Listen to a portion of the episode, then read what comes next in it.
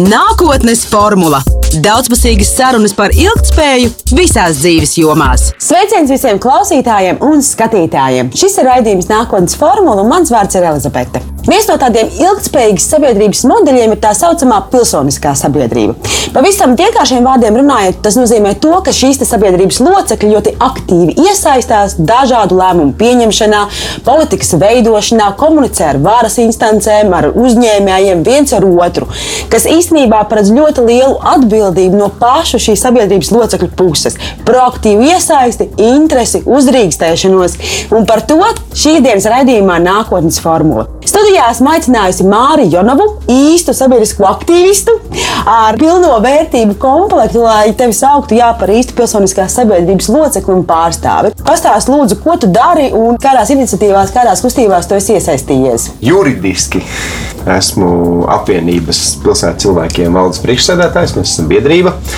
Arī teikas apkaimes biedrības valdes loceklis un Latvijas Pilsoniskās alianses padomes loceklis. Tā kā juridiski tikai trīs, bet faktiski mums sanāk, sanāk sadarboties ar vēl vairākām, ja lai neteiktu daudzām Rīgas apkaimju kustībām, biedrībām, bieži vien pat tā formāli nav nodibinātas un, un, un iesaistīties arī nu, dažādās pašvaldībās, dažādu, dažādu līmeņu un formātu notikumos, pasākumos, kaut kādās ilgākās, ilgākās kaut kādās lietās.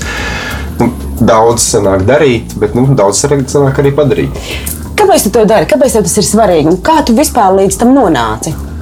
nonācu ļoti garā, garā, garā ceļā.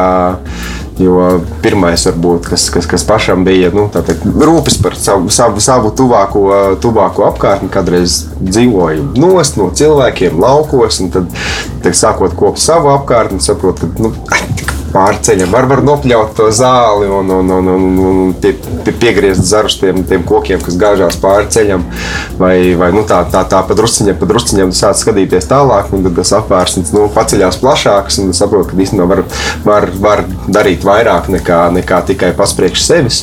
Nu, tas tādam tīri, tīri, tīri praktiski, bet arī, arī, arī filozofiski, arī, protams, kaut kādā, kaut kādā brīdī bija vairāki kaut kādi grūdieni, impulsi, kas lika paskatīties tieši uz Rīgu. Tieši uz Rīgu savādāk, citām acīm es biju nomācījies jau jau četrus gadus Rīgā, mācību laikā dzīvojis Rīgā, pēc tam vēl kādu laiku dzīvojis Rīgā. Man tā pilsēta absolūti, absolūti nepatika. Pretīga, skaļa, netīra. Bet dzīvoju, tāpēc, ka nu, jāmācās un tā. Un tad pirmais, ko gribu, prom. Pirmais, ko gribas prom, bet tad, tad labi draugi izveda velo pastaigā pa Rīgu.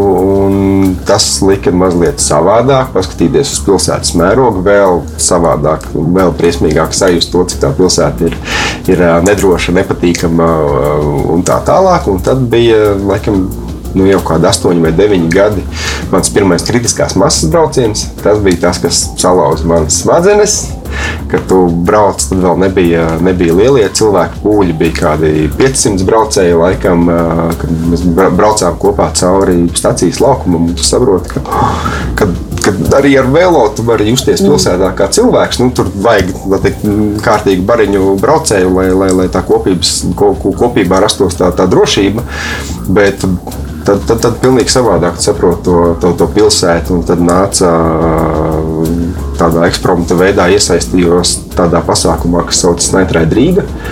Un tad, kad naktī brauc bariņā, cilvēks saprot, ka īstenībā no centra līdz lidostai ir 20 minūtes, ka līdz vis tālākās apgājumas, visdziļākajam kaktam var aizbraukt pusstundā. Tad, tad, tad, tad pēkšņi saka, tā, tā pilsētas mērogs mainās. Un tas priekšstats par pilsētu, ka tas, kas ir nenormāli tālu ar kājām, kur neko mūžā tu neiet, tad ar velo tu aizbrauc ļoti īsā laikā. Tur, kur sarežģīti, grūti, tur ai, kā ar sabiedrisko var izdomāt, ka tur jāpārsēžās vēl. Ar velo viss ir tepat blakām. Rīga ir super kompakta, super līdzena, ideāls klimats, lai visu gadu brauktu. Um, bet nes kāpēc tas nenotiek? Un tad, tad, tad iepazinos ar, ar kaut kādiem velo, velo aktīvistiem, entuziastiem, iesaistījos riteņbraucēju apvienībā. Tur kaut kādu laiku darbojos arī dažādās formālās neformālās apvienībās. Un, un, un tad nonācām līdz tam, ka radās, radās pilsēta cilvēkiem sākumā kā, kā tikai kā ideja, kā viena cilvēka projekts, kurš raksta, raksta kaut kādus rakstus. Mēs nezinājām, kas to raksta. Iepazināmies, tad, kad viņš sev atklāja, piespied, nu, kā, sapratām, ka ir jādara kaut kas vairāk, mēs varam darīt labāk. Saslēdzāmies, tā, tā pamatu komanda īstenībā nu, ir palikusi un, un apaugusi ar vēl, ar vēl jauniem cilvēkiem, uh, profesionāļiem, katrs tur savā, savā, savā jomā. Līdz ar, līdz ar to katrs dod savu kaut kādu pienesumu, un, un, un kopā mēs īsā laikā diezgan, diezgan daudz padarījuši. Tā, ka, nu, šobrīd, skatoties uz Rīgu, jau nevar pateikt, ka viņa totāli riebjas. Eh, ir daudz vieglāk saskatīt mm. to potenciālu varbūt arī cilvēkiem, kas pirms tam nu, neredzēja vai, vai nu, vispār nedomāja, neskatījās. Tagad ir kaut kādas ielas, ko jau var uzskatīt par diezgan labām, un tad blakām redzot to netik labo ielu, nu, tad cilvēkam. Nu, uzskatām parāda dabā, tas ir pilnīgi kaut kas cits nekā tas, ko, nu, ko mēs varbūt rādām bildīties, ka rekā var ārzemēs, rekā var ārzemēs. Nē, arī šeit Rīgā mēs ļoti, ļoti daudz ko varam izdarīt. Šis aktīvisms paredz arī lielu pretreakciju. Nu, kā tu tiec galā nezinu, ar naida runu, ar, ar kaut kādu cilvēku negatīvismu un visu pārējo? Jo, nu, kā, man liekas, vispār vārdam aktīvists sabiedrībā ir tāda nedaudz negatīva konotācija. Un kā uzreiz ir tāds, puf, jā, aktīvisti, aktīvisti. Tur zaļie, tur vegāni, tur šitādi vai tādi. Kāda ir tava pieredze un kā tu ar to tiec galā? Atšķirībā no tiem, kas eh, mēģina ar mani kaut kādās asākās diskusijās iesaistīties sociālajos tīklos, es, eh, es to visu uztveru ar smaidu. Un, ja tu tur nepieliec smaidiņu galā, tad varbūt nevienmēr cilvēki to saprot. Ja, kad varbūt tur kāda vārdu spēle, ja, kas man, man personīgi citreiz liekas interesanti. Um, un tad cilvēki to pārprot, un tad dusmojās un apvainojās, bet pēc tam sapiec klātienē, parunājies un tad liet, liet, lietas nostājās savās vietās. Jo ne es personīgi, ne biedrība neesam pret automašīnām, neesam pret auto īpašniekiem. Neesam, nu, tikai bieži vien ir tā, ka cilvēkam ir, ir, ir, ir, ir tās klapas priekšā, un viņš tikko sadzird, ka kaut ko darīt priekš velo vai kaut ko darīt priekš gājējiem. Viņš kā auto īpašnieks vai auto vadītājs sajūtas apdraudēts, un viņam saceļās gaisā visas tur stūres spalvas, adatas, un viņš nav īsti gatavs kaut kādai adekvātai sarunai. Bet tad, kad atrod kaut kādu citu pieeju, tam pašam cilvēkam nosēžamies pie galda vai izējām pastaigā, pēkšņi saprotam, ka īstenībā mēs jau gribam visu vienu un to pašu. Mēs gribam ērtu, drošu, patīkamu dzīvēju eh, pilsētu. Par pilsētu mēs vēl noteikti parunāsim, bet pirms mēs ķeramies klāt tām Rīgas lietām, kas ir tā jūsu primārā, ka teiksim, tā ir varētu teikt nodarbošanās. Par to pašu aktīvismu pastāstīt, vai tas ir hobijs vai darbs? jā, ar to es nodarbojos katru dienu, visu dienu. Tad nu, tam it kā vajadzētu skaitīties darbam, ja man par to nemaksā. Tad, diemžēl, laikam, to ir jāsauc par hobiju, bet nu, tas tiešām tas nav hobija līmenī. Mēs esam vairāki, vairāki cilvēki biedrībā, kas tiešām diezgan nopietni ikdienas režīmā strādājam gan, gan pie rakstiem, gan ejam uz sapulcēm, sanāksmēm, komisijām, sēžam pie vēstulēm, sūtām labojumus, noteikumiem, likumiem un tā tālāk. Piedalāmies tiešām ikdienas, ikdienas režīmā daudzu institūciju darbā. Kāda ir pašais situācija ar šīm institūcijām? Vai cilvēki, varas, varas kā saka, instancēs, tie, kas ir lēmumu pieņēmēji, politikas veidotāji, viņi ir gatavi runāt, viņi ir gatavi jūs uzklausīt, viņi ir gatavi reāli sēdēt pie viena galda vai tikai ievilkt pseido ķeksīti. Jā, ok, labi, mēs paklausījāmies, ko jūs tur stāstāt. Labi, labi, viss būs uz redzēšanos ir pazīmes, ka kaut kādā paredzamā nākotnē varētu būt. Varētu teikt, ka būs labi sistēmas līmenī. Uh, bet tas, kas jau kļūst labāk, labāk ikdienas līmenī, ir tas, ka ir parādījušies ar vien vairāk cilvēku, kas tie ir nu, cilvēciskā līmenī, ir gatavi pārmaiņām, paši grib mainīties, kuri paši varbūt ir darbojušies nevalstiskās organizācijās, paši ir bijuši aktīvisti. Tagad viņi ir nu, kā, pakāpušies cauri izglītības sistēmai, tikuši kaut kādos darbiņos, pakāpušies jau amatos, kur viņi, kur viņi ir tie, kuri var uzrakstīt to vēstuli, uzaicināt eh, tās biedrības, kur viņi paši darbojušies, vai kurām viņi seko līdzi, un kur saprot, kur ir tie, kur ir tie, um, tie speciālisti vai, vai, vai tās zināšanas, kas trūkst konkrētai iestādē, ka viņi zina, kam zvanīt, zina, kam prasīt, zina, kā uzprasīt, kā tie uzlabojumi nāk. uzlabojumi nāk. Nav ideāli, nav perfekti. Tas, kas mums, kā pilsētas cilvēkiem, varbūt varētu likties, ka ir viegli, jo visi tur grib ar mums runāt, grib sadarboties un tā tālāk. Es, es kā Pilsoniskās alianses padomus loceklis lieliski zinu, ka tā nav citām biedrībām. Ka mēs esam varbūt izcīnījuši kaut kādu, kaut kādu savu, ja ne gluži nišu, tad spraudziņu durvīs, ja, mm. pa, pa kuru mēs varam sarunāties un, un, un kaut kādas lietas, lietas notiek tad, tad, tad, tad citiem varbūt tā spraudziņa, tā mūsu spraudziņa nav pieejama joprojām. Līdz ar to mums varbūt kā pilsētas cilvēkiem ir jāskatās ne tikai nu, savu, savas biedrības un savu, sa, savās interesēs, bet arī jādomā, jādomā līdzi, kā tas, ko mēs darām, var palīdzēt arī citām biedrībām iekļauties gan pašvaldību darbā, gan ministriju darbā, gan dažādu citu instanču ikdienas, ikdienas darbā. Vai tā pretreakcija tomēr nav paudžu jautājums? Nē. Noteikti nē. Noteikti nē. Tie, kas tiešām arī, arī joprojām ir amatos, eh, cilvēki, kas savulaik nezinu, stāvēja piketēji pret metro vai, vai, vai, vai, vai iesaistījās kaut kādās vidas aizsardzības kluba akcijās, tur 90. gados, 2000. gados, kas kaut ko ir darījuši. Nu, tiem cilvēkiem varbūt jau, jau, jau ir cirmāki mati, ja, bet, bet to, to, to, kas ir izdarīts, to, kas ir bijis, to pasaules izpratni, nu, to nemaina gadu skaits. Tas ir labi to dzirdēt, jo parasti jau visi liek tās lielās cerības tik uz tiem jauniem, jauniem un saka, ka tie visi vecie tie jau tur, kā saka, tie jau Galīgi, dzīvo ar ne. to pārliecību, ka, ka viss ir labi un ko jūs te mums traucējat. Bieži vien pat cilvēks, cilvēks kaut kādā brīdī, nu ir viens brīdis, kad tu studē, tev nekā nav, līdz ar to tu neko neriskē, tu vari darīt visu, ko tu gribi. Jā, un tad tu tiec pie tās mašīnas. Darbus, darbus kādus gribi tur solīt un naktīm negulēt un, un ņemties, ka tu pats par sevi esi atbildīgs. Nu, tad nāk mašīnas bērni un viss pārējais, un tad, kad tu atkal tiec tam pāri, tad atkal parādās. Nu, pirmkārt, jā, lai kaut ko, kaut ko lielāku nekā tev darba apraksts prasa izdarīt, tev vajag laiku. Mm. Un tad, lai, lai, lai varētu negulēt naktī, nu, tad, tad, tad, tad, tad nu, ja tev citi cilvēki no tevis atkarīgi un tev jārūpējas par ģimeni, tad ir grūtāk to darīt. Bet tad, kad ir bērni palaisti lielajā dzīvē, un atkal parādās laiks, un varbūt vakarā miegs tik ļoti nenāk, un, un, un tad, tad atkal tajos cilvēkos mostās tas, tas, tas, tas trakums, ka gribās tomēr izdarīt vēl kaut ko. Un vēl kaut ko un, un, un tad ir arī klāt vēl zināšanas, pieredze, kontakti, un tad, un tad ir ļoti, tiešām ļoti arī jaudīgi cilvēki, ar kuriem forši sadarboties. Kā tu vērtē sabiedrību kopumā? Nu, latviešiem jau pārmet ļoti to pasivitāti, to kūtrumu, to neiesaisti. Nu, kā tev liekas, cik traki ir? Pilnīgi pretēji. Pilnīgi pretēji. Domāju, ka mums pat tā situācija ir varbūt ne visās jomās, bet, bet, bet, bet īstenībā ir, ir ļoti laba procentāla liekas, iesaista cilvēki, kas kaut ko dara, kaut ko grib izdarīt.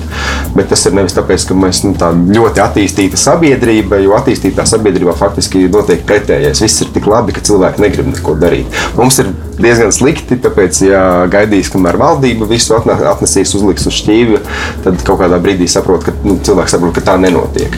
Var, protams, iet uz vēlēšanām, nobalsot par pareizo partija, pareizā partija dabū tikai tik un tik balsis un var izdarīt četros gados tik un tik. Un tad tu saproti, ka tajā ik pa četriem gadiem ciklā, gaidot nākamās vēlēšanas, arī nekas nekustās uz priekšu.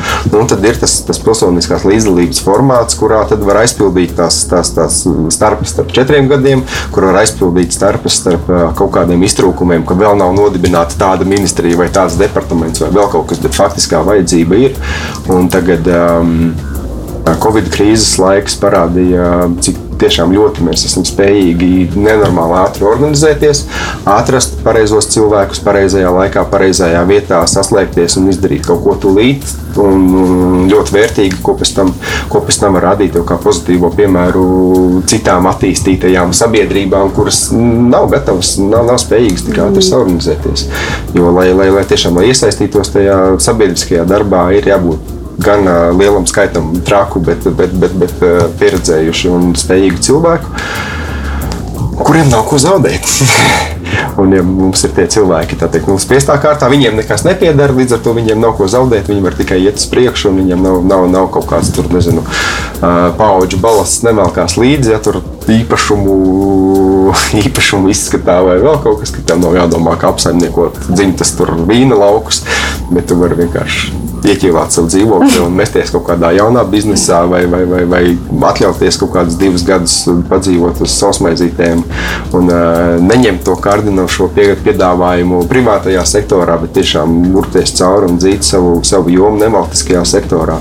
Ir, ir tiešām fantastiski cilvēki, ar ko sanāk mm. nu, ne katru dienu, bet, bet diezgan bieži gan vai sadarboties, vai vienkārši redzēt, redzēt sev blakus, ka, ka tu neesi vienīgais trakais, kas, kas, kas, kas, kas, kas skrien pretī viņiem, pretī vējiem, bet ir vēl, vēl, vēl, vēl, vēl tā ir tāda diezgan laba, laba kopības sajūta nevalstiskajā sektorā. Nu jā, tur ir tās divas puses. Viens ir tā mūsu individuāla atbildība un tā mūsu aktivitāte, elementāra savas mājsaimniecības darba vietas līmenī, atbildība valsts priekšā ejot uz vēlēšanām, un tad jau tas, kur cilvēki jau veido grupas, kopienas, biedrībās un nodibinājumos. Nu, tas individuālais līmenis, tas ir tāds, nu jā, mana atbildība, kā gribu tā daru. Kā ar to kolektīvo līmeni, kas ir nepieciešams ilgspējīgai nevalstiskā sektora attīstībai? Nu, ilgspējīgai jāskatās, jo, protams, tad, lai, lai, lai, lai viss vienmēr nebalstītos uz tiem trakajiem entuziastiem, jā, kas, kas ar pusbadā vai badā izsprāgušām acīm skrien ar putām uz lūpām kaut ko aizstāv. Jā, bet ir jā, nu, jāvirzās pamazām uz to, lai, lai nevalstiskās organizācijas, kas pilda kaut kādu sabiedrībai svarīgu funkciju, būtu arī ar kaut kādu finansējumu, lai tas tiešām nu, lai tas ir ne tikai darbs stundu ziņā, bet arī, arī nu, ka tu vari aiznest mājās kaut ko paēst vai nopirkt zeķes. Tā kā nu, pamazām vajadzētu, vajadzētu iet uz to. Un, nu, īstenībā nevar saprast, vai ir labi. Man personīgi liekas, vēl nav labi, ka mēs neesam aizgājuši tajā, tajā, tajā sliedēs vēl tik tālu. Bet, bet, bet, bet, uh, Bet, nu, principā, vajadzētu, vajadzētu uz to virzīties, bet atrast kaut kādu noķert to, to, to balansu, lai nav tā, ka formāli ir biedrības. Um, katrs individuāli nevis piedalās biedrību darbā, bet ej, noziedo un ir tā teikt pienākums teikt, sirdsapziņas līmenī izpildīts, bet faktiski varbūt, varbūt tāpat nu, tā, tās biedrības nefunkcionē tik labi kā, kā tad, ja tie cilvēki iesaistās ikdienas darbā un viņi nāk ar tām savām problēmām, meklē risinājumus, piedalās tajā darbā. Mm. Nevis vienkārši nu, vai, vai, vai formālās biedrības, kur varbūt kāda, nu, kaut kādas interešu grupas pārstāv kaut kādas biznesa intereses, nu, tad, nu, tad ir viens cilvēks, kas skraida tur skaistā uzvalkā pa, pa iestādēm, bet faktiski nu, tā nav biedrība, tas ir nu, lobbyis caur biedrību ir ļoti, ļoti daudz scenāriju variantu. Viņi ir liela daļa ir dzīvot spējīgi arī paralēli viens otram, bet, bet, bet, bet nu, būtu jāsaka, jā, jāsakārtojas, lai nav, lai nav jāskatās, ka man blakus vēl ir citi cilvēki, kur, kur grib. Bet tu redzi, redz, kā tas cilvēks lūst, ka tu nevari turpināt, ka tu gribi turpināt, bet tev gribēs arī ēst, un ka tev mājās vēl gaida, gaida ģimene, tad ir pavisam traki. Nu, lielākoties jau tas maciņš veidojās no tiem sarakstītajiem projektiem. Bet nu, projekti nav tāds simtprocentīgi nu, ilgspējīgs nu, formāts, vai tu lēkā visu laiku augšā lejā. Formāts, jā, kad, kad ir biedrība, ir skaists mērķis, un tad, un tad tu saproti, ka tu nevari izdzīvot, un tad tu sāc rakstīt projektus, bet projekts bieži vien ir ļoti, ļoti konkrēts, praktisks kaut kāds uzstādījums, kas ir jāizdara laikā, un tad tur, tur jāraksta atskaites, nevis, nevis reāli pārstāvi tās, tās, tās intereses, ar kurām tu sāki sāki darboties biedrībā, bet tu iegrimsti pat vienkārši tādā nemitīgā projektu rakstīšanas un atskaišu kaut kādā virpulī, kur brīdim var kādam izmaksāt algas, bet, bet, bet faktiski tu nevari rēķināt uz priekšu ģimenes budžetu. Kaut kāds fonds aizvērsies, vai varbūt kāds minējis cits, tad pēkšņi tev viss nobrūk. Tad, tad, tad, nu, tā, tā, tas, tas, tas nav normāls biedrības darbs. Jā, pa, paralēli biedrības darbam ka ir kaut kāda lielāka ideja, kur vajag lielāku naudas summu šai, šīs vienas idejas panākšanai. Ir lieliski, ka ir tie fondi, ka ir iespēja, iespēja rakstīt projektu, bet biedrība nu, nevar būt kā tikai projektu apkalpotājs. Nu, bet ir arī tādas biedrības, kas, kas, kas mm. tas, starp citu, arī bieži vien veiksmīgi, ka tas cilvēks ir ar, ar kaut kādu saprāšanu savā jomā. Viņš tā pa, pamazām, pamazām pa projektiņam, pa projektiņam, bet arī redz, redz ka tā, tā, tās kāpnītes ved kaut kādā, kaut kādā nu, uz kaut ko labu. Kāda vispār ir tā situācija ar to filantropiju, mecenātismu, sponsorēšanu, ziedošanu? Nu, kā saka, šī kultūra Latvijā ļoti vāji attīstīta. Nu, ka visi saņemās uz, uz dažādām Ziemassvētku akcijām, bet tajā ikdienā mums nenotiek tāds sistemātisks nevalstiskā sektora atbalsts un citu iniciatīvu no sabiedrības puses. Kā tu uz to skaties? Laimīgā kārtā sāk lēnām, lēnām tā izpratne rasties. Tā izpratne rodas gan, gan, gan uzņēmējos, kas par spīti tam, ka tur nu, tie. Mm, kaut kādas nodokļu atlaides, ko var saņemt, ja pat, pat ziedojot nevalstiskā sabiedriskā labuma organizācijām, vairs nav tik kārdinošas, bet tik un tā, tik un tā atrod iespēju kaut vai mini, nu, mini kaut kādu summu, bet ziedot arī nu, cilvēki privāti no sevis ziedo. Ir uh, arvien vairāk dažādu, dažādu platformu, caur kurām var ziedot konkrētam mērķim, konkrētai biedrībai, vēl kaut ko. Tad, tad tas, tas pamazām attīstās, un, un, un mēs arī jūtam ja, to, to, to atbalstu no mikroziedojumiem, kas nāk nu, tieši biedrības kontā vai nāk caur, caur kādu no, no, no, no platformām.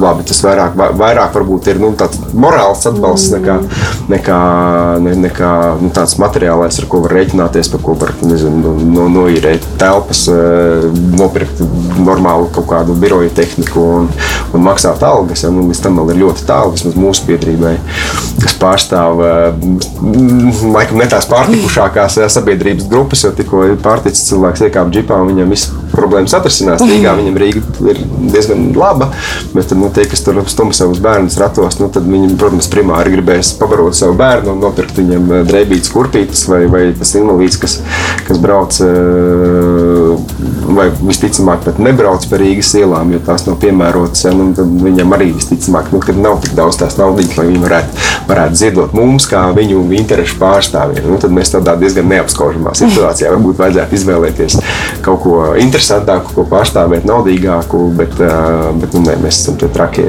Tie trakie. Tagad nebija izmaiņas likumā, biedrības tagad varēja sākt arī pelnīt. Ne? Kaut kādu saimniecisko darbību jūs jau varat uh, plānot. Kādus velo produktus? droši vien, ka var visādus formātus meklēt, bet tad atkal, nu, tad, ja, ja es vai mani, mani kolēģi pārmetīsies uz, uz biznesu, lai biedrība pelnītu, tad atkal nu, pazudīs, diemžēl, tā iespēja darīt to, ko mēs, ko mēs ikdienā darām. Labi, ķeramies klātē Rīgai. Uh, tu veltīji ļoti skarbus vārdus pilsētai, uh, un, un, un, un uh, jā, uh, nevarēšu nocitēt precīzi visus, visus īpašības vārdus, bet jā, izklausījās diezgan slikti. Uh, Izstāst, lūdzu, kas tev prāt ir Rīgas lielākās problēmas, un uh, ok, velo, velo lietu mēs jau ieskicējām, kas vēl? Tas noteikti nav kājas. Tas noteikti nav kājas. Um, Bet tiešām jā, cilvēcīgas, eh, dažāda veida infrastruktūras trūkums gan ir milzīga problēma. Jo nu, tiešām atrasties uz ielas ir nepatīkami, ja tev nav riņķī divtonīga bleķa kaste. Tikko tu esi ar kājām, tad šodien ir karsts. Nu, tad to var izbaudīt pēc pilnas programmas, ja slēpjoties gar sienām, meklējot ēnu, koku nav. Ja tu gribi atvērt logu, izrādās, ka arī tas pats tas karstums nāk tev pa logu iekšā. Tu gribi izveidot, bet, diemžēl, nāk pa logu iekšā. Vai arī, nezinu, brauc motociklis, tad nu, tas motociklis pa, pa desmitiem kvartālu jā, atbalsojās pa centra ielām, jo koku nav, kas, kas slāpē.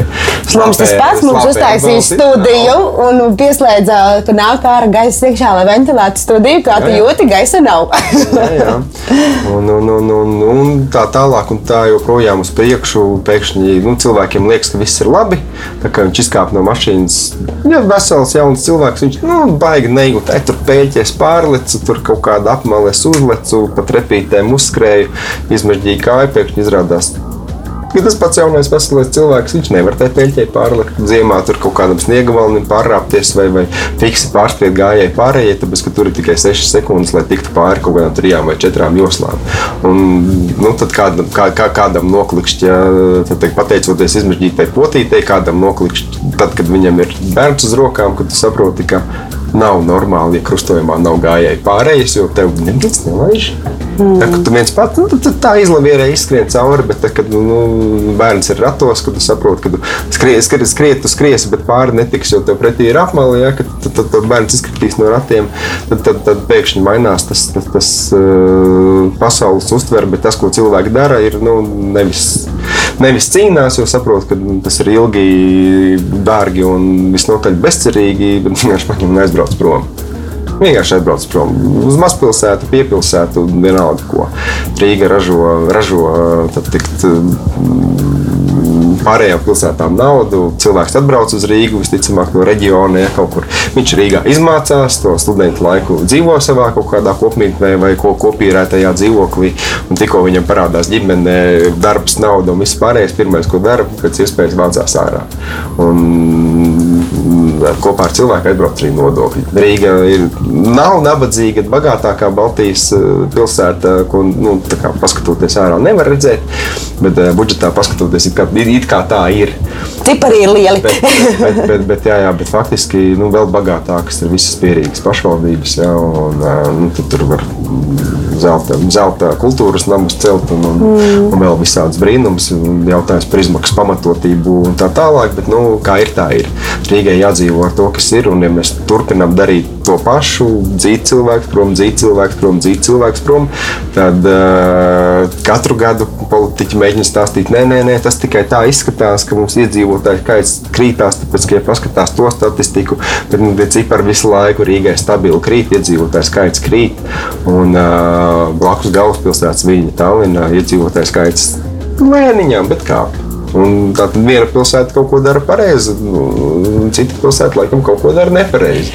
Un šis man liekas pilnībā absurdi. Mēs katru vasaru varam redzēt, ka no māja sākuma līdz pat uh, oktobra beigām tiek remontētas ielas. Visu laiku kaut ko pāroks, saliek vēl kaut ko. Tik un tā. Ne viņas ir pieejamas tur uh, cilvēkiem ar kustību tur, traucējumiem. Tur, viņi ir. Oponēšu, tur es oponēšu pēdējos trīs gadus tās ielas kļūst pieejamākas cilvēkiem ar kustību traucējumiem un arī mazliet drošākas, jo, jo ja pirms četriem gadiem, 16. gadā Latvijas ielu remontēja laikam 16. Jā. Tad vēl bija pie katras iebraukums, augšā lejā, augšā lejā. Tur bija spēlēns, vēl smieklīgās bildes, kā tur pa tiem uzkalniņiem, kad viņi aplado cilvēki krīt, fotografē un visi paši to izbaudījuši uz savas ādas, tad, tad pēdējos trīs gadus um, centrā tās ielas, ko remontē, tur pārsvarā ietvēja ir vienā līmenī. Un tad, kad mašīna grib braukt pagalmā iekšā, tad viņiem ir augstā apmale, par ko ļoti sūdzās.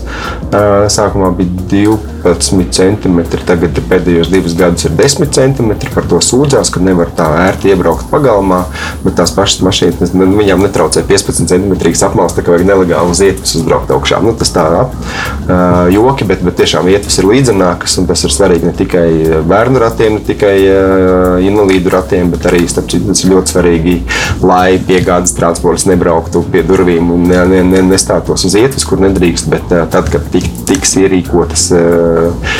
Pagāja piegādes autostāvvies, lai varētu autostāvā automašīnu piegādes atstāt kvartāla galā un tad līdz te, nu, kvartāla vidum aizstumt tās preces, pat ļoti mm. smagas var aizstumt ar rokām uz ratiņiem, bet tam vajag līdzenas ietves. Pēdējos trīs gadus tās līdzenās ietves Rīgas centrā tiek ierīkotas. Bet nu, tas ir pārsvarā centra ielās. Mēs nerunājam par visu Rīgu. Ielās eh, Rīga ļoti maz remontē ielas. Protams, tas, ir, nu, tas pat nav smieklīgi maz, tas ir nožēlojami maz. Ja Rīgā tur ja nemaldos, bija kaut kāda tūkstotis, cik tur bija ja, kilometru ielas, ielu kopgarums, tad, tad, tad ja mēs remontējam desmit, desmit km gadā, nu, tad var rēķināt, ja, ka tad, tad, tad tava iela savu kārtu sagaidīs pēc simts gadiem. Ja, nu, tad tur kaut, kaut kas īsti neiet kopā. Mm. Lai tādu vienkāršu uzturēšanas, uzturēšanas remontiem vajadzētu būt nu, 5, 7, 10 gadi atkarībā no ielas izmantošanas intensitātes. Nu, tad Rīgā tas nenotiek. Un tad, kad arī saremontē to ielu, tad izrādās jau pēc trijiem gadiem tas asfalts ir sabrucis. Nu, kas pie tā ir vainīgs? Vai tas ir būvnieka nolaidība vai, vai, vai kā saka, korumpēti iepirkumi? Kur ir problēma? Mm, labi, varētu teikt, korumpēti iepirkumi, bet uh, varbūt vienkārši tas, ka tu vari taisīt iepirkumu un nesakot līdzi kvalitātei, jo kvalitāte nav, nav pat uzstādījumā. Uzstādījumā ir fiksi nomainīta virskārta, lai ātri var ielikt uh, Instagramā un pēc tam aizmirsīs cilvēku un neatcerēsies, un Instagrams paliks, uz ielu neviens neskatīsies. Mm, jo nākamā gadā būs nākamā iela, ko ielikt Instagram, un nākamā gadā būs nākamā iela, ko ielikt Instagram. Mm. Tāda, tāda Instagram režīmā arī strādājam, bet, bet, bet nu, cilvēkam ir ikdienā tās ielas jā, jālieto. Nu, tad, tad, tad, tad ir tā paskumji, jo skatoties uz Baronu ielu, liekas, ārpus, kad šo ielu beidzot remontēs, ja kā reāli pēc pieciem gadiem.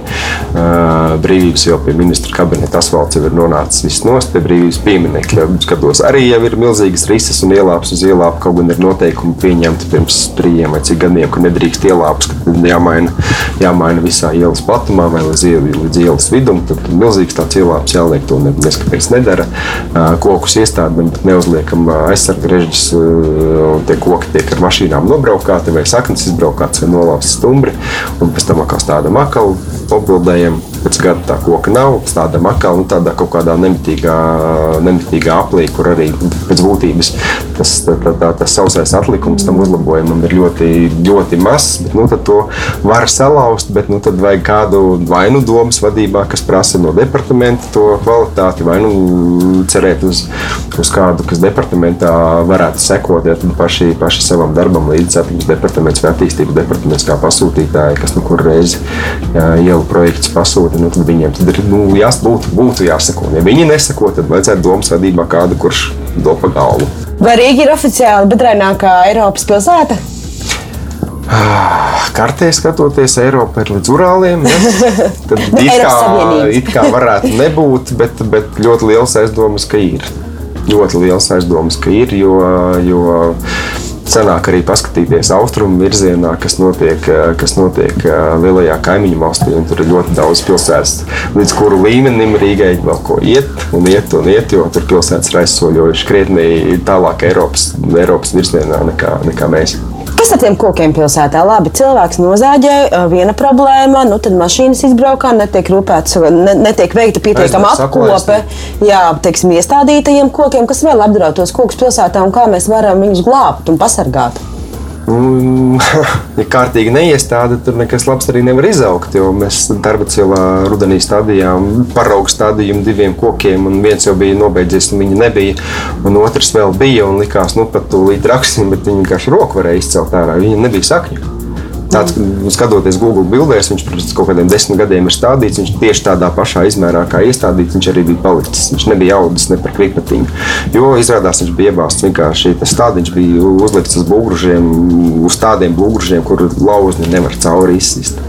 Man maziņu kociņu iestādot tam saknēm, nav, nav cerību iz, izurkties cauri vai atrast kaut kādu apkārtceļu tiem būgružiem. Nu, tad, tad viņš tur panīkuļo, panīkuļo un nomirst. Bet, nu, tā kā vajadzēja nu, griezt lentītes pie saktas, saktas dārgā puķa tirgus, ja, tad bija iest, varēja redzēt, ka ir iestādīta kociņa. Ja, tur ir jauna stadija, pēc, pēc tik un tik gadiem būs skaista, skaista, skaista alēja. Nu, diemžēl nē. Pilsētā ir tomēr nopietnāk jāpieiet pie, pie koku stādīšanas. Šobrīd tas, kas tiek darīts, nu, var redzēt, ka drusku labāk ir. Tas nav, nav, nav ideāli. Mēs joprojām neatļaujamies izrakt kārtīgu, kārtīgu dobi, sagatavot augstni pietiekamā kubatūrā. Bet, bet, nu, par, kā, par kāpēc viņi labāk ir un tas, ko, tas, ko pēdējā gadā dara, pēkšņi ir um, arī mēs nevis tikai iestādām, bet arī aplaistam.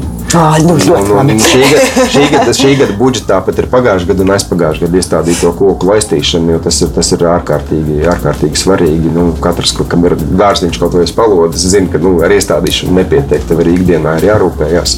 Tā kā Šogad ir tiešām patīkami redzēt nemitīgi ielās eh, vai nu Rīgas meža mašīnas vai labo koku mašīnas, kas brauc un apstājās un tad no cisternas tur pat, pat, pat, pat rūbu ielai uzreiz pazemē kārtīgi, kārtīgi daudz ūdens, jo ar lekaniņu tur būtu visu dienu jāstāv, un tas atkal ir vai nu ir kārtīgi iestādīts vai nē. Un tad, tad tā situācija pamazām uzlabojās, bet skatoties to, to, to koku bilanci pilsētas centrā, nu joprojām mēs zaļējam vai, vai ļaujam nomirt lielākam skaitam nekā, nekā iestādām apakaļ. Līdz ar to ir saprotama cilvēka sāk, sāk, sāsinātā, sakāpinātā reakcija, tad, kad kāds pasaka, ka es zaļēšu kaut kādu koku, pat to, kur tas koks ir vecs, kur viņš ir galīgi ķīps vai, vai, vai viņš nu, ir ceļā kaut kam, kas pilsētai nu, ir ļoti nepieciešams. Un pat, pat tad ir jāiet, jāiet cauri, cauri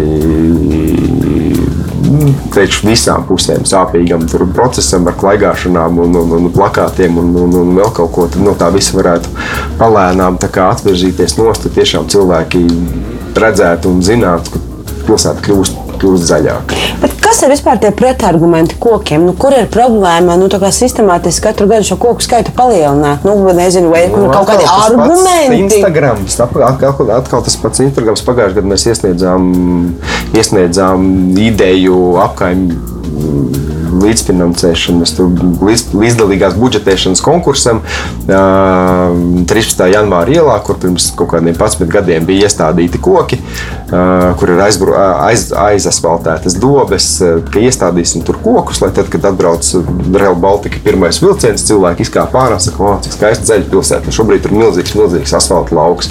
Paskatāmies vēsturiskās bildes, tur pat bijusi, bija bijusi koka aleja, kā no Čakielas sākās tā projām līdz upei. Tagad ir palikusi palikuši kaut kādi fragmenti, nu, tad to vienu, vienu daļu piedāvājām aizpildīt, neapstiprināja. Bet pirms tam arī rakstoties par tām, kāpēc doma pati nestāda tajās vietās kokus, bet ir aizasfaltējusi aiz, aiz ciet, tur koki neaug. Viņiem neskapēc nepatīk šeit augt kā absolūti agresīvā vidē, kur brauc nenormāli daudz automašīnas, kur ziemā tiek cēlīts, kur vasarā ir nenormālākais karstums. Uh, kur viss ir aiz, aiz, aizasfaltēts, un kur, kur, kur pa to mazo caurumu, kas paliek apkārt koku stumbram, nu, nevar to koku padzrdīt ar ūdeni. Vasarā pat tad līdz daudz lietus. Uh, Es kāpēc domāju, liekas dīvaini, ka tie koki tur neaug, un tāpēc viņi izvēlās nestādīt kokus. Nevis, nevis saprot, ka mēs neiestādījām pietiekami labi, un mēs par tiem kokiem pietiekami nerūpējāmies. Citas pilsētas stāda kokus, un, un gan lielus, gan mazus kokus, bet tos, kas ir nesen iestādīti, īpaši sargā, sargā arī ziemā, liekot riņķīs sētiņas, lai, lai, lai no automašīnām sāls nešļakstītos ne tikai uz saknēm, bet arī uz stumbriem, mm. jo arī caur, caur, caur, caur stumbru to koku var, var, var nomērdēt. Tie, kam vajag nelegāli tikt vaļā no kokiem, tie ļoti labi zina, kā var tur ķīmiju sabērt, sašķelstīt uz kokiem, un tas koks neskapēc nokalta. Un, un tad ar nu, citu procedūru iestājās, ka, nu, kad nākas nocirst, tad jau var būvēt, ko vajag. Schēma zināma, bet, bet nu, dīvainā kārtā pašvaldība līdzīgā schēmā, schēmā strādā pietiekami nerūpējoties par tiem kokiem, kas vēl ir un kuri tiek stādīti. Tu teici, ka Rīga nav droša pilsēta. Kā tu to domā? Vistiešākajā, vistiešākajā nozīmē. Nu, kam viņi nav Esmu, droši? Kā tas izpaužās? Nu, jebkuram, kuram nav, nav leķa kaste ar, ar drošības spilveniem riņķī, tā pilsēta nav droša. Ne, ne gājējiem, ne riteņbraucējiem, ne elektroskrējēji. Un īstenībā arī autovadītājiem vai viņu pasažieriem arī tā pilsēta nav nemaz tik ļoti droša. Jo pat ielās, kur formāli atļautais braukšanas ātrums ir 50 km/h. Tās ielas ir sabūvētas tā, ka tur var mierīgi braukt 120 mierīgi var izbraukt. Brīvības iela, viss pieci joslu platumā, visā garumā. Ja, nu, tur var, var ieskrieties arī droši vien vairāk. Un arī tā dara. Domāju, ka katrs klātienē ir, ir, ir redzējis, ja, kā, kā var, cik labi var ieskrieties no Luksafora līdz Luksaforam. Ja ir garš kvartāls, vai arī ja redz, ka priekšā ir zaļā gaisma. Ir atbraucis pirms diviem gadiem, bija velokurjeru pasaules čempionāts Rīgā.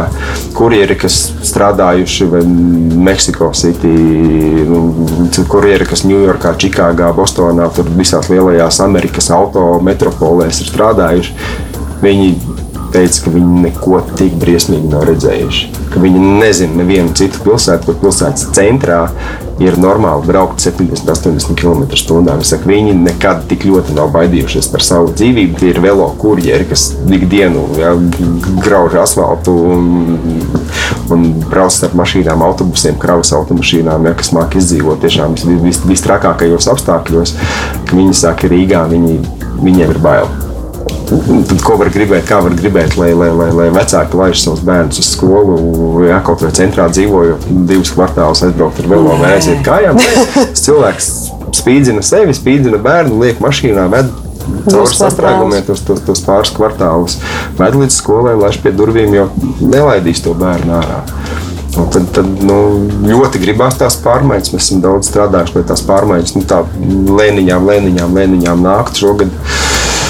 Bruņinieku un sporta ielas izskatās, tās pārmaiņas ienāks ļoti strauji. Tā būs pilnīgi, pilnīgi cita, gan arī izskata sajūta un, un scenārija Rīga, bet kamēr tā iela faktiski būs viena un, un tā kritīs ārā no, no, no pārējā, pārējās transporta, transporta sistēmas, un kamēr pārējās ielas arī nekļūs cilvēkiem draudzīgākas. Nu, tā, satiksme klibos. Gan, gan joprojām klibos velo un gājēju satiksme, gan jopro, nu, joprojām, joprojām klibos auto satiksme, jo nu, pilsētai būtu jāsāk, jāsāk domāt, kā atgriezt iedzīvotājus, uzņēmējus, turistus eh, Rīgas centrā, lai, lai, lai centrs atdzīvotos, lai kļūtu atkal, atkal dzīves, jo kādreiz nu, visa Rīga pie līdzīga iedzīvotāju skaita ietilpa Rīgas centrā. Nebija ne lielo mikrorajonu, nekā nebija, bet iedzīvotāju skaits apmēram bija tāds pats Rīgā. Ja? Mēs visi mācījām dzīvot kompaktāk, tagad mēs dzīvojam plašāk.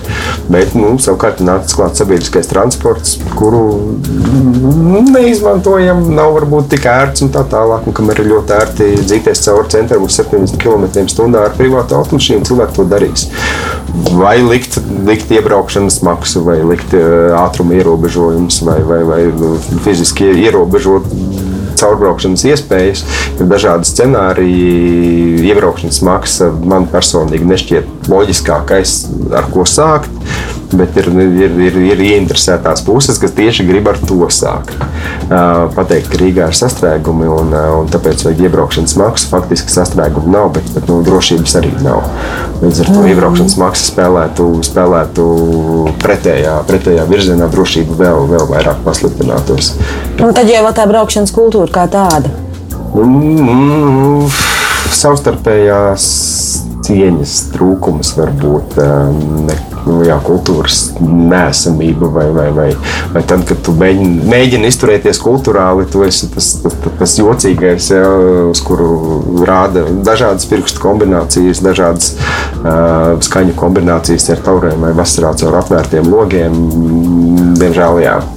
Diemžēl, jā, un tad, kad ir tāda pa vidu, pa vidu bleķa kastes, ja, tad, tad, tad, tad, tad nu, cilvēki ne, ne, neprot un negrib sarunāties.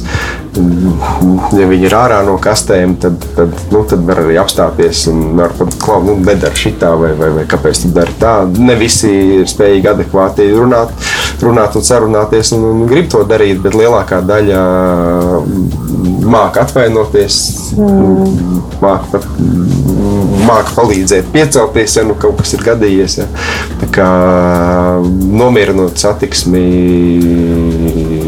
kaut kādā veidā automašīnā braucot lēnāk, ja, vai, vai vispār nebraucot un, un pārvietojoties ar lēnākiem un, un vietu, vietu taupošākiem transporta līdzekļiem, kas ļauj tiešām kontaktēties, tiešām saskatīties, nevis mēģināt caur, caur auto logu, caur atspūgiem ieraudzīt, kādas tur tās acis ir, ja, ko reklamē tur kampaņās, kad vajag acu kontaktu, nu, atvainojiet, četrgadīgs bērns ar kaut kādu kravas automašīnu, kāds ir acu kontakts, ja, un viens ir profesionāls, kuram maksā naudu kurš ir nokārtojis kategorijas, un viens ir vienkārši bērns. Mm. Jātiek pāri ielai, nu, tas nav, nav, nav līdzvērtīgas, līdzvērtīgas blakus liekams lietas.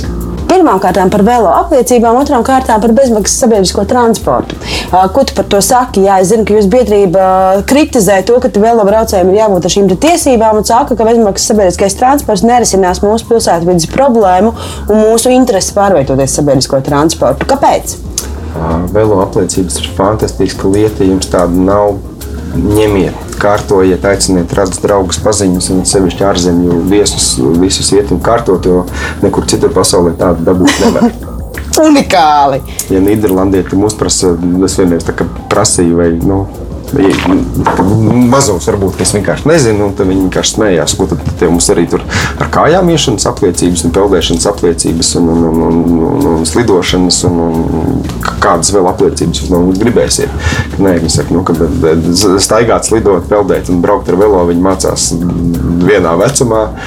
Un, un, un tā ir normāla pārvietošanās, un, un, un, un tur, tur velo velo, velo gājējs, tad tās bīstamības tur nu, tas nav jāregulē ar apliecībām, noteikumiem, ceļzīmēm, luksusforiem un tā tālāk. Bet tikko tajā, tajā iemet iekšā automašīnas, nu, tad gan tad parādās jā, nepieciešamība bez luksusforiem, bez ceļzīmēm. Un, uh, un tad autovadītājiem ir tā atbildība pret tiem, kas ir mazāk aizsargāti, bet ne jau, ne, ne, ne jau otrādi. Un, un apliecību esamību vai nesamību, kas tiek publiskajā telpā no amatpersonām, valsts policijā vai no amatpersonām CSDD uzdota par, par iemeslu, kāpēc ir noticis kaut kāds negadījums, vai vispār uz visu, visu satiksmes dalībnieku kategoriju tiek vispārināts un attiecināts, ka jūs jau, jūs jau nav apliecības, tāpēc jūs nezināt noteikumus. Un tad skatāmies auto negadījumu statistiku, ja tie negadījumi notiek tā, tad tur arī kā, nu, bez gājējiem, bez velo. Ja tā teikt, automašīna notriec riteņbraucēju vai gājēju, tad vainīgs ir gājējs, tāpēc, ka viņam nav apliecības vai riteņbraucējs, tāpēc, ka jūs jau tur neievērojat noteikumus. Tad nu, nevajadzētu notikt auto pret auto sadursmē, bet tādas notiek. Tā tad nu, varbūt tā problēma tomēr ir, ir, ir, ir tajā pusē, kurā ir apdraudējums, nevis tajā pusē, kur, kur, kur ir cietušie.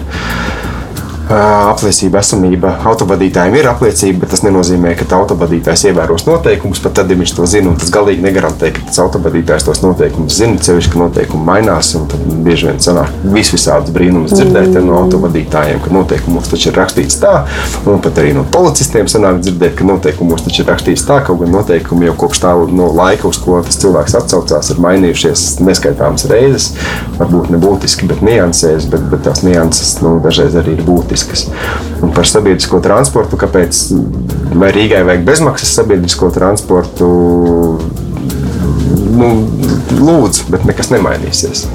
Tas, ko Rīgai vajag, ir labs sabiedriskais transports. Un tad, kad viņš ir labs, nu, tad var domāt, vai, vai, tas, vai kaut kas kļūst labāks, tad ja to sāk dāļāt, eh, dāļāt visiem bez maksas, vai no tā kaut kas uzlabosies. Arī visticamāk, ka nē. Eh, citu, cilvē, eh, citu pilsētu pieredze liecina, ka mēģinot bez maksas dāļāt sabiedrisko transportu, automašīnu skaits ielās nesamazinās, samazinās vēlme staigāt kājām, ja īsos gabalus, kas cita pa, pa veselību, kas cita pa īstenībā citu cilvēku komfortu, kuri, kuriem jābrauc garāks gabals, bet viņiem ir nu, tas, tā, tas attālums jābrauc pārpildītos sabiedrisko transporta um, transporta līdzekļos. Tā kā, tā kā ieguvumi īstenībā, izņemot kaut kādu politiķa popularitāti no bezmaksas sabiedriskā transporta pilsētai, kā tāda īsti nav. Tas nozīmē, ka nu, ja kaut ko dod bez maksas, tad cilvēks nejūt to kā vērtību. Mm. Nu, tur nezinu, katru dienu tev dos bezmaksas cepumus. Tur nu, trešajā dienā droši vien pateikt, jau pārstāst teikt paldies. Piektajā dienā tu viņus vairs neēdīsi, un pēc tam tu baros suņiem, kaķiem, vāverēm un visiem pārējiem. Bet, bet nevis un, un tad, un tad at, turpināt ražot kaut ko, redz, ka patērētājiem to nevajag. Vai, respektīvi, cena ir viens no faktoriem, kas ļauj nu, kaut kā sakārtot to, sakārtot to jomu. Cenai nav jābūt tik augstai, kā, kā tā ir Rīgā. Tas gan Tam es piekrītu, jo, jo man šķiet, ka mēs. Mēs konkurējam ar pasaules mēs, jā, jā, lielākajām metropolēm. Līdzvērtīga tur, nezinu, Vīnas vai, vai, vai Berlīnas vai citu metropoļu cenai, bet tāpat Berlīna laikā mēs pretī, pretī mēs nespējam, nespējam piedāvāt pat civilizētu pieturu ar, ar soliņu, kur nu vēl par jumtiņu vai, vai, vai, vai, vai par, tādu, nu, ja? kur nu vēl par to, ka sabiedriskais transports pienākuma laikā un es varu paredzēt un plānot savu maršrutu. Mm to, to, cik ļoti kavējas, man liekas, ka drīzniekiem tie, tie, tie, kas braukāja, ir ielāgojuši, un līdz ar to viņi jau to ierēķina, to kavējumu. Bet, bet jā, mums pat nav, nav, nav mobilās aplikācijas, kur tu vari paskatīties, ja tev ir tas uh, gudrais telefons, ja mm. nav, nav elektronisko tablo. Da, daži ir, bet, bet nu, tā tādā demo režīmā. Un, un, un nav īsti saprotams, vai tie ir tiešām īstie, īstie, īstie cipari vai mm. saraksts un, un, un, un atnāks vēlāk. Um, ir ļoti daudz uzlabojumu, kas ir vajadzīgi, un daļai jau to visu bez maksas. Tas nozīmē, ka katrs uzlabojums maksā nenormāli. Dārgi ir jāliek kaut kādā budžetā iekšā, tur jāprasa deputātiem nauda. Mums vajag uzlikt soliņu, vēl kaut kas jau pašai iestādē kā tādai. Nu, nekāda, nekāda nauda nav. Ja ir labāks pakalpojums, tas nenozīmē, ka iestādē būs lab, nu, kā, kaut kāda vairāk ieņēmumu. Šobrīd uh, nu, ja vairāk pasažierus apkalpotu, būtu teorētiski būtu lielāki ieņēmumi. Faktiski, diemžēl, sanāk tā, ka mēs tik daudz dāļājam tos bezmaksas braucienus, ka bieži vien pasažieru skaits ir liels, bet ieņēmumu nav. Mm. Vai arī cilvēki skatās, ka pērk biļeti, bet, bet faktiski tā pašizmaksa ir uztaisīta tāda, ka pat nopērkot biļeti, tu dzen Rīgas domu bankrotā. Un tad es kā apzinīgs cilvēks nepērku biļeti un nebraucu ar sabiedrisko transportu, lai, lai, lai teikt, ne, neradītu liekas izmaksas. Rīgas domē, pilnīgi, pilnīgi absurdi, bet, bet tā sanāk, ka katrs teikt, autovadītājs bezmaz glābi glāb Rīgas budžetu. Labi, autovadītājs varbūt ne, jo tas nu, rada papildus citas izmaksas. Bet velobraucējs vai kājām gājējs? Velobraucējs un kājām, brauc, kājām gājējs gan jā, mm. stutē Rīgas budžetu, un tas, kurš pērk biļeti sabiedriskajā transportā, tas vairāk kaitē nekā tas, kurš bez biļetes izbrauc izbrauc, nu, izbrauc bez biļetes. Bet tā, kad tu nopērci biļeti, tad izrādās, ka Rīgas doma paliek parādā tur uh, Rīgas kartē, tam, tam, tam, tam, tam, tam jo tur ir saskrūvētas izmaksas. Uh, to visu noskrūvējot nost, iespējams, ka mēs tiktu pie uh, krietni adekvātākas cenas par, par, par braucienu maksu. Vai tas būtu brauciens no Imantas līdz, līdz, līdz Juglai, tur gan varbūt es šaubos, tur būtu nezinu, jātaisa tā kā, tā kā dzelzceļā kaut kāda zona princips, laika princips, vēl kaut kas nu, ir, ir iespējas uzlabot. Bet atkal jau, ja, tas, ja, ja tur ir kaut kaut kāda matemātiska biznesa interese, ja, tad, tad arī uzņēmums grib kļūt labāks un, un, un, un, un, un labāk funkcionēt. Bet, ja strādā kā gribi, tev visu apmaksās, tas nemotivē uz, uz, uz labāku pakalpojumu. Un, jā, vai mēs tiktu līdz, līdz kaut kādas reizeknas vai Daugopils biļešu cenām atpakaļ, es nezinu. Kādreiz laikam bija stipri līdzīgas cenas, bet, bet nu, nu, vismaz kaut kādu, kaut kādu trešdaļu lētāk. Es domāju, ka noteikti, noteikti Rīga var atļauties to cenu nomest. Bet, bet, bet, bet, bet, jā. Tur ir soļi, soļi, soļi. Būs gribētāji braukt, bet, bet autobusu trolēļus tramvajs ir pilni ar bezmaksas braucējiem. Nu, atkal ko darīt. Tad pirkt klāt, pirkt klāt jaunas tramvajas, trolēļus, algot, algot vadītājus, kas, kas, kas būs līnijā, vai, vai, tas ir, vai tas ir pareizi, vai tomēr tos bezmaksas braucienus limitēt. Mm. Ļoti vajag, lūdzu, brauc, bet nu, tik, nu, tik reizes mēnesī, vai varbūt vienam vajag vairāk, tad viņam vairāk reižu, vienam vajag mazāk, mazāk reižu, vai vispār nevis mētāt līdz eh, bezmaksas braucienus tieši viena konkrēta pārvadātāja transporta līdzekļos, bet, bet eh, piedāvāt kā mobilitātes eh, pabalstu, kur tev ir nezinu, konkrēta summa vai kaut kāda punktu sistēma, ko tu vari tērēt. Ne tikai Rīgas satiksmes transporta līdzekļos, bet sakrāt pa mēnesi un vienu reizi izbraukt, bet toties ar taksometru, vai, vai varbūt braukt ar koplietošanas velo, vai braukt ar koplietošanas elektroskrēju, un iznomāt koplietošanas auto.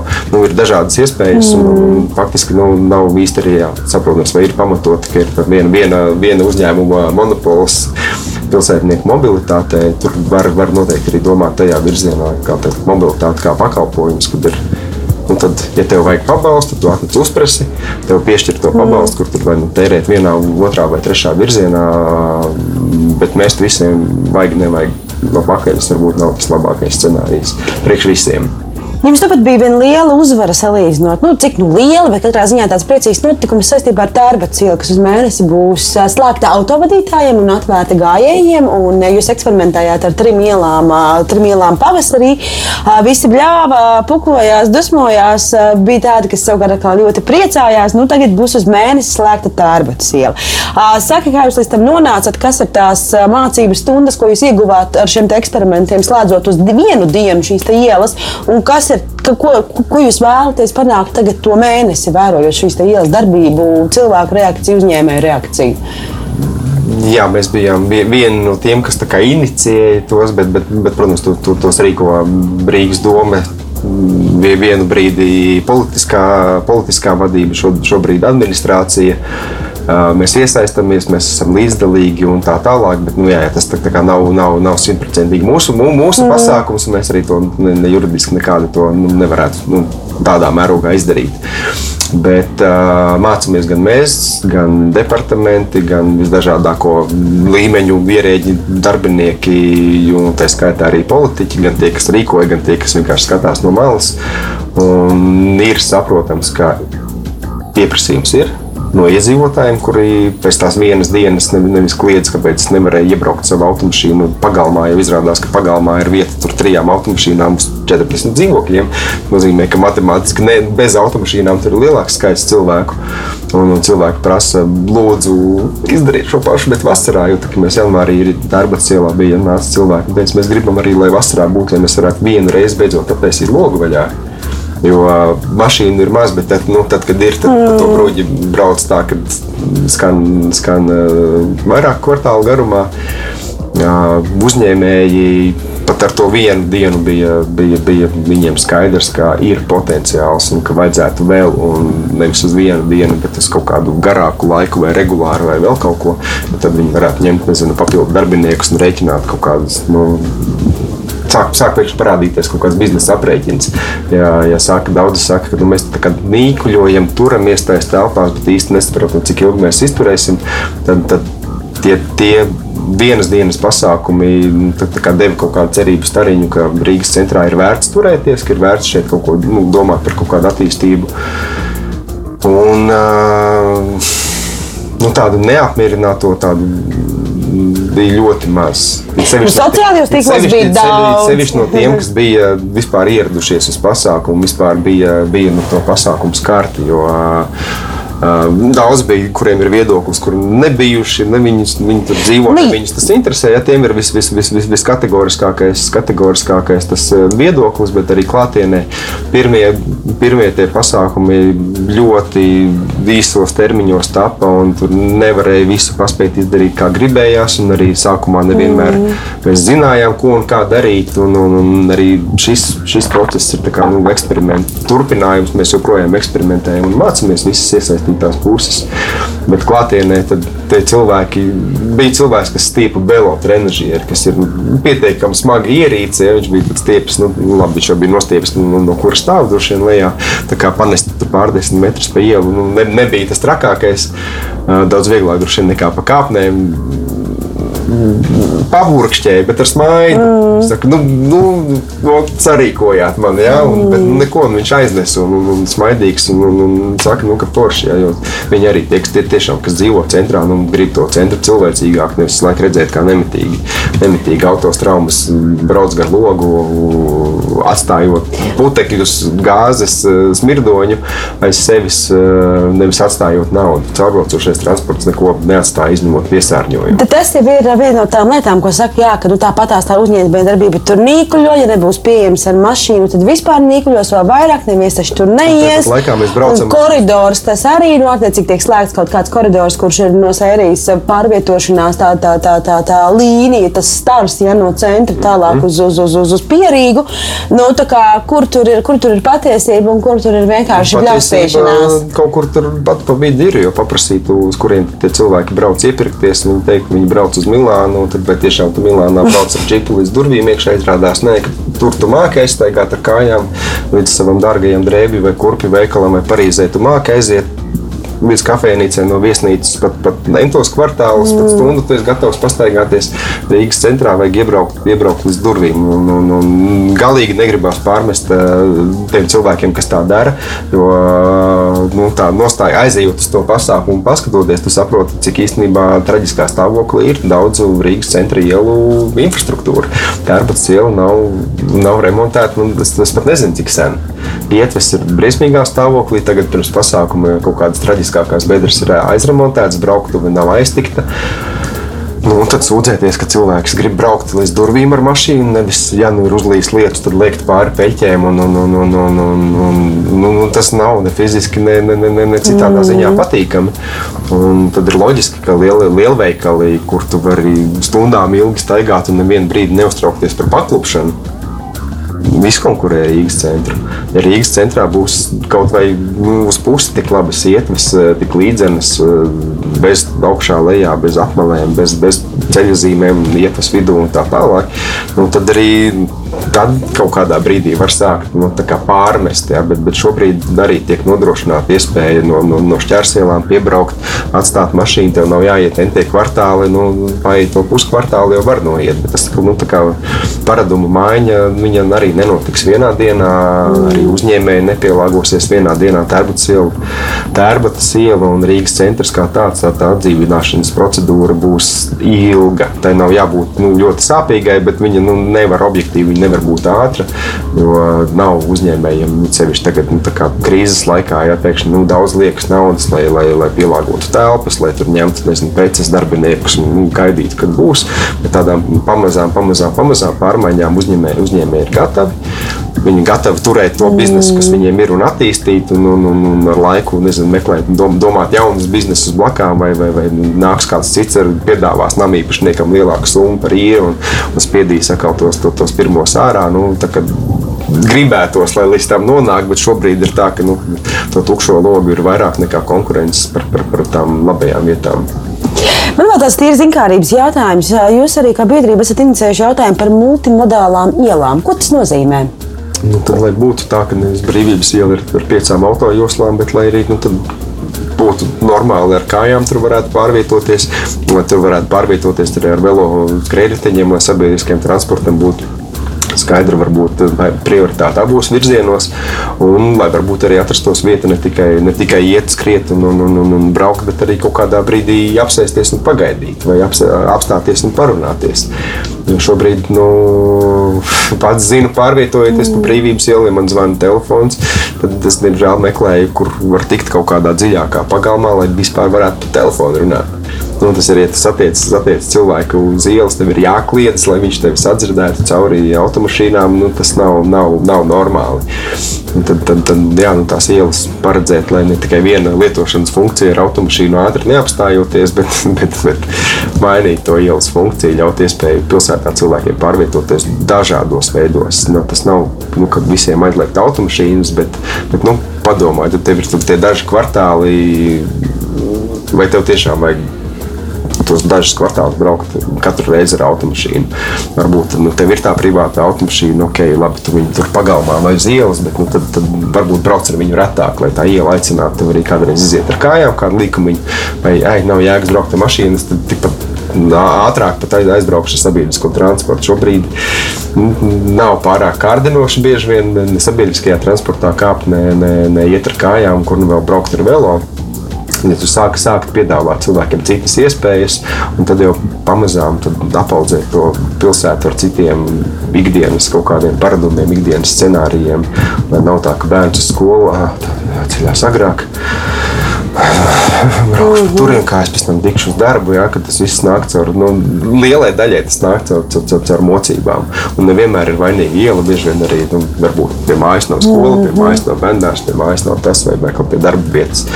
Tā, tad kaut kādā pašplūsmā tā pilsēta ir atstāta un, un viņa nav, nav īsti sakārtota. Tagad jau īpaši. Jā, jā, jā, jā, jā. Nu, būs ļoti nāks jaunā vara, piecu gadu termiņš, ļoti daudz ko jādara. Cerams, ka būs pietiekami drosmīgi, zinoši cilvēki, kas zinās, ko darīt uzreiz tūlītās eh, mm. pirmajos gados un eh, ko atstāt uz pēc tam, jo, jo nu, ir, ir, ir svarīgi nenopūdelēt šo iespēju. Piecu gadu termiņš ir laba iespēja izdarīt ļoti lielas lietas. Četru gadu termiņā bieži vien ir tā, ka stājoties amatā, ķeries pie tās lielās lietas, ierocies papīros, tā lielā lieta nāk uz amata termiņa beigām un saproti, ka tu izdarīsi jebkuras izmaiņas. Jebkuras izmaiņas vienmēr saskanās ar, ar kaut kādu pretestību. Vienmēr būs neapmierināti, kāpēc te vajadzēja, taču bija labi tur tā kā bija un kāpēc vajag kaut ko aiztikt. Un, un, un, un tad, ja tu izdari termiņa beigās, tad nav laika cilvēkiem pierast, nav laika izskaidrot, un tad sanāk, ka tu beidz savu termiņu ar neapmierinātiem mm. cilvēkiem. Ja tu paspēji izdarīt termiņu sākumā, tad cilvēki pierod, pēc pusgada jau bruķētāji ir apklusuši, jo saprot, ka cilvēki ir pieraduši, viņiem neviens neskrien, un, un, un, un beigās arī paši pierod un pielāgojās. Cilvēki ļoti ātri pielāgojas. Cilvēki ļoti ātri pielāgojas. Viņiem vajag, vajag dot to iespēju. Nevis visu laiku baidīties no tā, ka vai, vai, vai ko man tur Delfa komentāros teiks. Un, un, un ko teiks pierīgas iedzīvotāji, nevis rīznieki, jo rīznieki pat neskapēc neklausās. Noslēdzot mūsu šīs dienas sarunu, tāds varbūt jautājums vairāk no tās savas profesionālās darbības un lomas pilsoniskajā aliansē, jo 2018. gadā NVO sektoru satrauca tā ziņa par to, ka starptautiskas organizācijas samazināja Latvijas pilsoniskās sabiedrības šo brīvības reitingu no atvērta tipa demokrātijas uz sašaurinātu demokrātiju. Vai tu vari paskaidrot, kas notika 18. gadā, vai tagad, 2020. gadā, mēs esam atgriezušies pie, saka, pie lielākas un cieņpilnākas attieksmes un komunikācijas? Vai vēl joprojām mums ir šīs barjeras un ko mēs varam darīt, lai šīs barjeras pārvarētu? Nu, iespējams, ka tas, kas, tas, tas, kas notika, to varbūt jā, reitingu samazināja, bet varbūt to var novērtēt arī kā tādu augstu novērtējumu pilsoniskajai sabiedrībai, ka varbūt mēs, mēs pārāk, pārāk aktīvi, pārāk veiksmīgi un ka vajag kaut kur piegriezt kādas skrūvītes, lai, lai, lai tik ātri neejam uz priekšu. Bet nu, nav tik traki. Ir, protams, problēmas ar finansējumu. Tad ir sataisīti visādi brīnumi ar to, ka biedrība nevar nodibināties un nav iespējams atvērt kontus. Tad, tad nemitīgi kaut kādas, kaut kādas problēmas tiek, tiek radītas vai, vai, vai pašas, pašas rodas, un tad nevar, nevar tikt galā. Bet, bet, bet jā, līdz, līdz tādai veselīgai, atvērtai, tīrai demokrātijai mums ir ļoti tālu. Bet, bet, bet, bet jā, mēs, mēs, mēs tur ejam un, un, un cītīgi strādājam dažādos formātos, turam visu laiku turam roku uz pulsa un ierēģņus pie, pie, pie piedurknēm un, un, un ķeramies astē un nelaižam, nelaižam prom, kamēr, kamēr nedabūjam to, ko, to, ko nevis mums, bet to, ko sabiedrībai vajag. Tā kā, tā kā tiksim galā gan ar 18, gan 19, gan arī šī gada Novērtējumiem, ik pa brīdim kaut kādām, kaut kādām dīvainībām, kas kaut kur tur saimnes vai ministra kabineta lēmumos parādās. Nevienmēr tas ir nu, ļauni domāts. Brīži vien kaut kur kaut kas kaut kā ir iesācies, aizvēlies, un tad, tad kāds kaut kur kaut ko nobalsos, ielicis. Nu, tur, Mm, Sarežģīta. Sarežģīta tā pārvaldība, un tāpēc, tāpēc es, es, kā, es kā jauniņais, kā zaļais, ar pilsoniskās alianses padomē, tur nevienmēr tur vis- visā, visās detaļās visu izprotu. Es, es, es citīgi mācos no saviem pieredzējušākajiem kolēģiem. Jo bez pilsoniskās alianses, kas kā, mm, apkopo visus spēkus un lai, lai pārstāvētu nevalstisko sektoru saimā, ministru kabinetā, citur, katra individuāla nevalstiskā organizācija nespētu to izstaigāt. Un, un tad, tad gan būtu traki. Bez, bez, bez pilsoniskās alianses droši vien tie, tie, tie mūsu novērtējumi būtu vēl krietni sliktāki un, un arī nebūtu tās cerības. Šobrīd ir ne tikai cerība, bet arī, arī, arī kaut, kāda, kaut kādas indikācijas, ka mēs, mēs, mēs ejam, ejam pareizā virzienā. Ne tik ātri, varbūt kā gribētos. Tad ir nu, ik pa brīdim rodās kaut kāda nu, nu, šķēršļi, kaut vai, kaut vai tā paša Covid, COVID izskatā, ja, kas varbūt cita ārā no tā, no tā ritma, ka tu jau esi sācis plānot, ka nākamgad būs tas vai nākamgad būs šitais, bet, bet mēs esam pietiekami jau, jau, jau pieredzējuši, lai, lai, lai arī par to tur nu, īpaši nepārdzīvot, bet saprastu, ka jāpārgrupējās un, un jāiet, jāiet uz priekšu. Forši, lai tev daudz spēka iet uz priekšu, paldies tev par kaut kādā ziņā, jā, droši vien, ka iedvesmu un šo pozitīvo enerģijas lādiņu. Un, kā saka, ja jūs dzirdējāt un redzējāt mūsu sarunu, tad pievienojieties. Viņi dara labas lietas. Paldies, tev, Māri! Čau! Čau, čau, līdz nākamajai reizei! Raidījums tapis sadarbībā ar Nacionālo elektronisko plašsaziņas līdzekļu padomi sabiedriskā pasūtījuma ietvaros.